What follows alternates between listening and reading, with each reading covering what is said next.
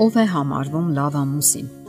Այս հարցի էությանը հասնելու համար շատ վիճաբանություններ են եղել, շատ արցունքներ են հոսել եւ այնուամենայնիվ, ինչպես ասում են, սայլը տեղից չի շարժվում։ Զույգերից յուրաքանչյուրը մնում է իր կարծիքին։ Իհարկե, ինքն է լավը։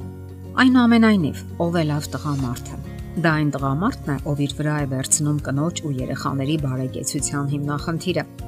ով չի խուսափում ոչ մի տեսակի դժվարություններից, այլ ոչ թե առաջին իսկ հնարավորության դեպքում խուսափում կամ ճողոպրում է պատասխանատվությունից եւ իր անznական շահը գերադասում է անznազողությունից ու նվիրվածությունից։ Հասկանալի է, որ այնքան շատ գայթակղություններ կան, որոնք հերրու չեն մարդուց, սակայն հենց այստեղ է, որ հարկավոր է ընտրություն կատարել եւ ընտանիքի շահը գերադասել անձնականից Շատ տղամարդիկ են այսօր պատասխանատվության բեռը վերցնում իրենց վրա եւ առաջ տանում ընտանեկան սայլը թե այն հազիվ հաս անցնում է քարքարոտ ու դարու փոսերով լի յուղական ճանապարհներով։ Իսկ ով է լավ կինը։ Արդյոք դա համարցակ ու ժամանակակից կինն է, աշխատանքային առաջընթացի հերանեկարներով եւ հաջողակ, թե տնային հոգսերի մեջ խորասուզված անznականը հանուն ընտանեկան արժեքների զոհաբերող կինն է։ Կնոջ համար առաջնայինը եղել եւ մնում է մայրությունը, լավ կին լինելը, որոնք ըստ էության փոխկապակցված են։ Որքան էլ կինը հաջողակ լինի հասարակական կյանքում, դա վերջին հաշվով չի կարող երջանկություն ապարգևել նրան։ Հարցումների ժամանակ հազարավոր կանայք են խոստովանել, որ որքան էլ հաջողակ լինեն կարիերայում, նրանց հոգու հիմնական ճիճն այն է, որ կարողանան դասավորել իրենց անձնական կյանքը եւ երջանիկ լինել կնոջ համար նախատեսված են այնպիսի գեղեցիկ բառեր, ինչպիսիք են մայր, կին, դուստր, եւ նա պետք է բարձր պահի այս բառերի իսկական նշանակությունն ու էությունը, այլ ոչ թե արատավորի դրանք։ Իսկ իսկական տղամարդու համար նախատեսված են այս օրինակ բառեր՝ պաշտպան, ստեղծող, պահապան, խիզախ, անվախ եւ այլն։ Տղամարդը սատարում է ընտանիքն ու հասարակությունն ընդհանրապես, պաշտպանում է ընտանեկան արժեքները, սատարում է հոգեվորությունն ու օրինականությունը բոլոր բնակավարներում։ Սակայն այսօր այս հասկացությունները հակադրության մեջ են այլ հասկացությունների հետ։ Շատ տղամարդիկ այսօր տղամարդ ասելով հասկանում են գարեջուր, ալկոհոլային խմիչքներ, անառակ ֆիլմեր, վեճեր ու կռիվներ, հենց անառակություն, դանակահարություն, ժամանակավոր սեռական զուգընկերներ Այդպիսիք ամբողջ ժամանակ զբաղված են նաև ժամանակավոր կապեր ստեղծելով։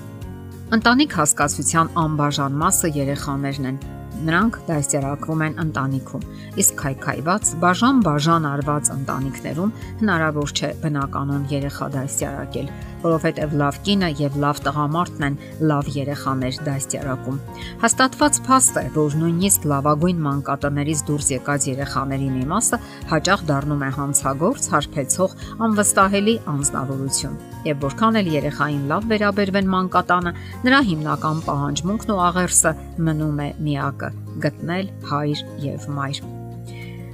Ընտանիքային վայրն է, որտեղ մարդը դասերակում է իր լավագույն որակները եւ որտեղ հաջորդ ծերունդներին է փոխանցում իր լավագույն փորձառությունները։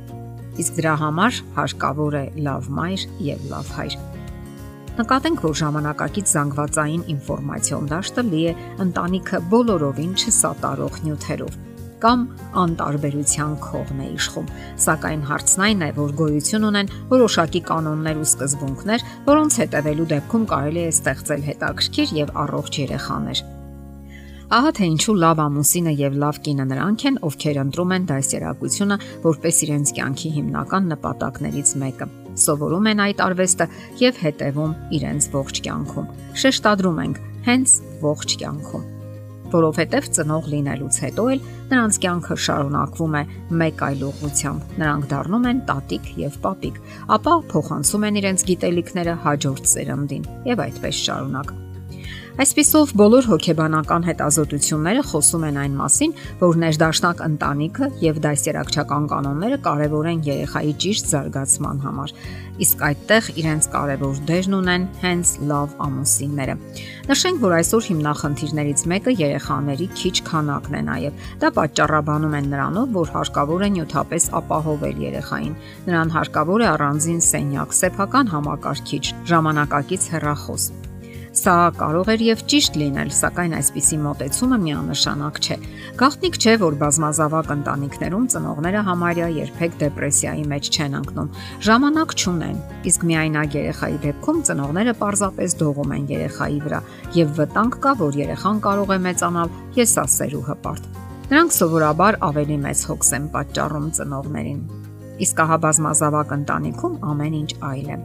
Դե ինչ, պահպանեք ձեր միությունը լինելով լավ հայր եւ լավ մայր եւ վայելեք ձեր ընտանեկան երջանկությունը։ Եթերում ընտանիք հաղորդաշարներ։ Ձեզ հետ է Գեղեցիկ Մարտիրոսյանը։